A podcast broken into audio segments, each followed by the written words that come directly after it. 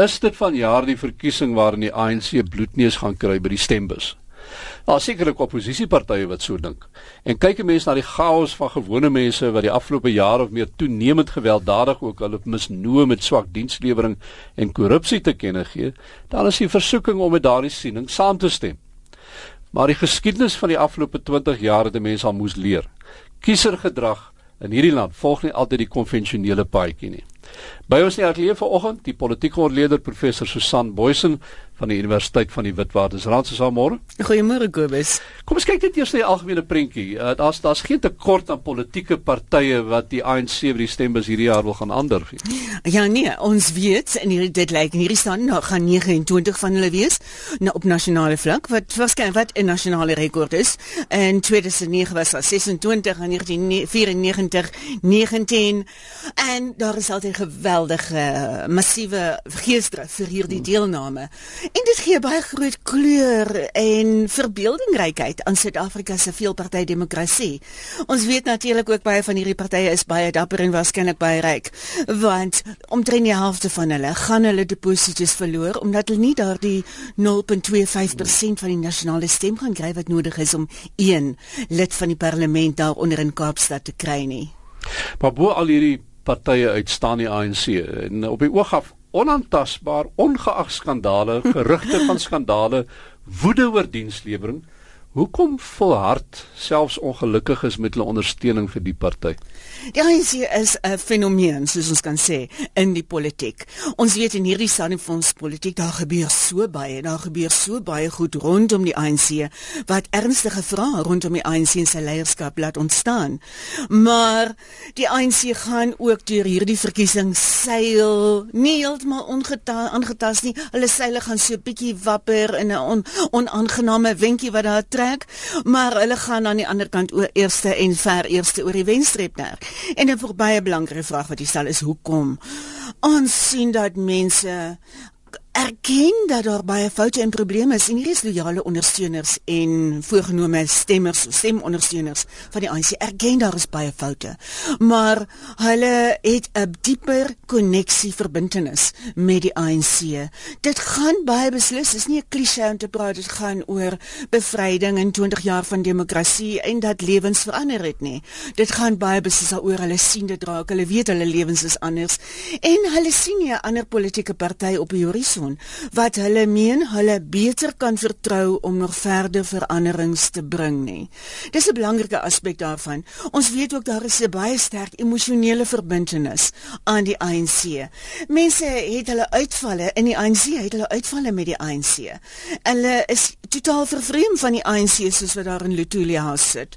En maar hulle kom terug en sê hm, ons is ANC ons het ons eie verbintenis ons aanvaar nie erken nie hou nie van daardie mense wat bo in die leierskap is nie maar is ons ANC. En dat ons praat baie keer daaroor. Daar is so baie klein ANC's. Mense voel hulle identifiseer daarmee as deel van hulle identiteit in Suid-Afrika werklik. En hulle hoef nie saam te stem met die groot ANC om om te voel hulle bly en hulle bly aan hou aan om te stem vir die ANC nie. So dit is uh, soos daai huis huis vir hulle. Mense sien dit as permanente ANC lidmaatskap. En geen oppositieparty in hierdie stadium kan naaste by daai uh, substituut gee vir daardie tipe van identiteit nie. Ons kry hierdie uitvalle. Daar was die UDM gewees, daar was Cope gewees. Hierdie keer sien ons daar is die EFF.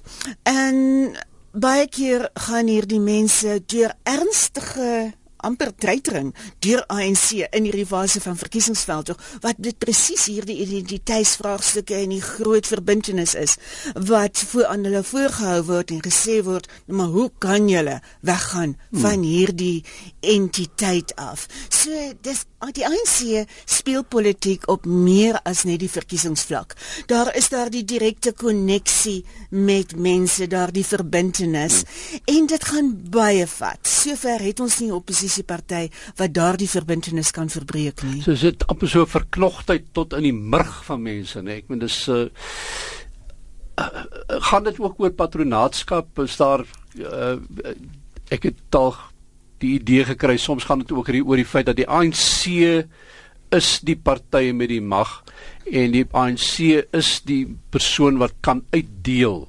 Uh en dalk gaan dit nou met die na die volgende verkiesing my beurt wees om op een of ander manier op 'n plek te kom waar ek gaan ontvang ook uit die die gewende ja, hand van ja president Zuma of wie ook al namens hom optree. Hmm. Patronaskap is 'n baie belangrike deel van hierdie huidige wat ek julle toelie huis ANC of mens noem die Zuma ANC. Dit kan noem. En want dit is 'n ander ANC. Want wat ek noem daar is so baie verskillende ANC's. Hmm. Dis 'n ander ANC. Dis die meer moderne, werklike, realistiese ANC wat ons nou het en mag praat. En selfs mense van ander oppositiepartye. Ons sien die hierdie stadium dit lyk amper anti-rasioneel, irrasioneel dat mense kan sê ons stap oor ook van ander politieke partye. Ons het die Julie Killians en die Koornhoffs gesien wat gedoen het op laer vlak gebeur baie daarvan oorstap na die ANC toe vir ander redes wat gegee word, maar politieke mag praat. En dit is die party so lank gesien word en natuurlik is dit so dat hulle hande nog baie stewig op politieke mag is. Bureaukratiese mag, staatsmag hmm. is alles die amper alles die ANC se nog in hierdie stadium. En as mense goed gedoen wil hê, dan gaan hulle soontoe.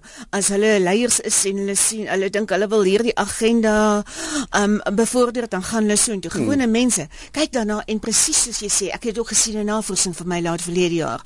Mense sê, uh, verwerp daardie elitisme in die ANC en dat leiers gesien word om na hulle self en hulle vriende eers te kyk voor mense. Maar hulle reken hulle is nader aan die voorpunt van die ry as hulle die ANC vir ANC stem, hmm. hulle kan onderhandel met die ANC. En baie interessant, baie kort punt, hulle sê ook oppositiepartye, hoekom sal hulle dan gewone mense vir die oppositiepartye gaan stem? As daardie partye inkom, hier reale kom trend verbatim aan, gaan hulle hulle self eers wil ryk maak en die gewone mense gaan dan nog verder in agtertoe in die ry wees. Hulle sê ten minste kan hulle sien met die ANC, daai mense is klaar almal omtrent alle leiers baie ryk. Die gewone mense is miskien bietjie nader aan die voorpunt van die tou daar. Aan die ander kant staan die DA en dan 'n onbekende faktor in hierdie stadium die Economic Freedom Fighters. Die DA ehm um, wat uh, die hoop uitspreek in elk geval dat hulle dalk uh, die septer hier in Gauteng ook gaan swaai na die verkiesing, maar wat is die groei potensiaal in hierdie stadium? Wys julle navorsing nou van die DA nog? Het hy nog bene? die DA staan op die bene wat hy het maar daardie bene groei nie vinnig nie. Dit gaan nie 'n reus in politieke in partytetiek in Suid-Afrika word nie. En ek dink dit is ook die rede hoekom ons hoor van baie uitvalle en bevestiging kry van baie uitvalle en verskille binne die DA. Want die DA en sy ambisie en sy aansprake het werklik al gegroei groter as wat sy kieserspotensiaal is. En Hulle moet groei, hulle moet deurbreek in die ANC se steunbasis in, maar ons sien nie dit gebeur nie. Hulle het aanspraak gemaak daarop dat hierdie verkiesing hulle 30% verkiesing is. Ons het gesien dat dit beslis nie meer sterk ge eh, voorspraak van aangevoer word dat hulle hulle dit kan doen nie. Hulle is gaan waarskynlik nader aan die 20% wees as aan die 30%. Hmm. En dit gee by 'n sterk krisis intern aan die DA want hulle wil groter wees, hulle moet groter wees anders gaan word al hulle hmm. aansprake net um ont, ont, ontplof en hulle kan niks verder gaan nie en dis tipe van 'n dooddoopstraat waarin hulle is nou. Dis nie 'n nernstraat nie want hulle gaan nog steeds en alle waarskynlik 'n groot en die groot beslis die grootste oppositieparty wees na die verkiesing maar hulle groei potensiaal provinsiaal het hulle afgeskaal. Hulle dink self nie meer so ernstig daaroor nie. Die EFF natuurlik die Economic Freedom Fighters. Hmm. Hulle kom as as 'n nuwe faktor hier in 'n baie interessante een. Waarskynlik nie 'n massiewe steun nie, waarskynlik kleiner. Koop was laas keer 7% gewees, waarskynlik EFF kleiner, maar nie ver onderkant 7% nie. Hulle gaan 'n sterk politieke faktor wees en gaan baie interessant wees om hulle miskien selfs as amptelike oppositie te sien sien in 'n paar van die provinsies en hulle gaan baie beslis in die parlement wees en dit gaan die parlement en debatte in die parlement 'n baie interessante en ander kleur gee. Ja, daar's die woord, kleur, want ek wou nou sê dit kan nogal kleurvol raak daar, maar ek weet nie of almal wat in die parlement sit noodwendig kleurvol as 'n woord wil sien in die in die in die parlement waar hulle probeer onder jy weet ernstig aangaan. Wel, dit is die bewering dat hulle ernstig is oor wat hulle doen parlement. Maar dalk word so, hulle wakker gepraat as jy effe hulle debatte begin daar. Ja, want daar slaap is nog al 'n gunsteling tydverdryf vir sommige van ons lede, dit is ook al gesien. Ag gang het gekom sonder impak weer gegaan. Dit is 'n ja. is eintlik 'n hartseer storie daai, nee. Dit is inderdaad, dit was daar was soveel afwagting gewees toe hulle begin het dat hierdie uh, nog een van daai nuwe politieke partye is wat die verbeelding kan wakker maak mm. en groot steun kan kry. Ons sien waarskynlik dit is uh, in alle waarskynlik 'n 2% of onder 2% politieke party, 'n klein niche politieke party, maar Pelle Rampelle gaan alle gaan baie beslis sy en 'n paar ander mense 6 of 7 of 8 van hulle so aan. Niks meer as dit waarskynlik nie. Gaan in die parlement wees en dit gaan ook interessant maak. En dit gee natuurlik daardie impuls van klein politieke partye. Moet hulle met iemand saamwerk? Kan hulle dit op eie so maak daar?